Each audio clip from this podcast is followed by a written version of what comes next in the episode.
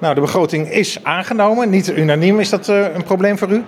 Uh, nee, ik ben in de eerste plaats heel blij dat de begroting is aangenomen. En in de tweede plaats dat er toch weer een grote meerderheid voor was. 29 van de 38 raadsleden hebben voorgestemd. Nou, daar ben ik hartstikke tevreden mee. Er zijn natuurlijk wel drie partijen geweest die tegenstemden. De SP, de partij Sleutelstad en de VVD.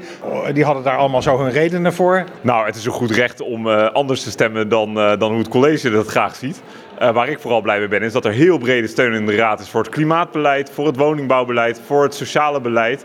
Ik moet je zeggen, ik vind het wel jammer met persoonlijk dat de SP heeft tegengestemd. Want er, eigenlijk zijn bijna alle voorstellen van de SP aangenomen. Uh, maar één voor hun heel belangrijke niet, namelijk uh, het sociaal domein. Extra geld daarvoor.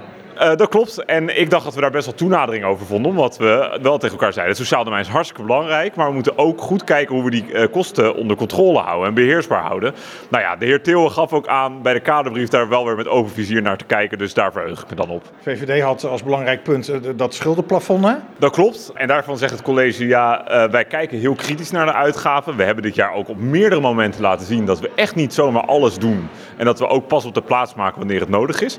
Maar er zijn ook heel veel investeringen echt belangrijk voor deze stad. Goede schoolgebouwen, sportvoorzieningen, duurzame wijken, om er maar drie te noemen. Maar bijna een miljard aan schulden. Er zijn weinig gemeenten die uh, Leiden dat nadoen van deze omvang. Dat klopt. En er zijn ook weinig gemeenten die zo leefbaar zijn als Leiden. Leiden scoort niet voor niks heel hoog op de woonaantrekkelijkheidsindex. Index. En wij bereiden ons echt heel erg goed voor op de gevolgen van klimaatverandering. Ik ben er trots op dat er veel steden naar Leiden komen om te kijken hoe wij dat doen. Wij nemen inderdaad bewust dit soort stappen om ervoor te zorgen dat Leiden nu, maar vooral ook in de toekomst, uh, prettig is om in te wonen. En hoeveel rente betaalt Leiden nou ook alweer per jaar om die schuld af te betalen? Ja, die heb ik, die heb ik nu niet paraat. Maar het gaat om tientallen miljoenen, toch? Ja, dat is fors. Dat is fors. Want we, we investeren ook veel, dus je betaalt ook veel uh, over je lening op dit moment. Maar het belangrijkste is, alle plannen die wij ons hebben uh, voorgenomen in de begroting, kunnen we ook waarmaken, omdat onze begroting structureel sluit. En dat is tegenwoordig in den landen vrij bijzonder. De meeste gemeenten laten gaten ontstaan de begroting. Dat doet Leiden niet. Maar dat doen die gemeenten vaak ook expres, hè, om aan een, signaal af te geven aan het Rijk. Van uh, jullie kunnen niet op ons blijven bezuinigen, we hebben gewoon meer geld nodig. Dat klopt, maar dat is wel over de rug van de inwoners uiteindelijk als het daadwerkelijk tot problemen leidt. En Leiden zegt wij sluiten onze begroting. En tegelijkertijd zeggen we ook tegen het Rijk, vrienden, er mag wel wat meer geld bij, want we hebben hele grote opgaven. En dan zeg ik toch maar even, omdat de VVD dat net ook vertelde, ja maar wat Leiden nu doet gaat ook over de rug van die Leidenaar, want die draait er voorop, die moeten meer belasting gaan betalen.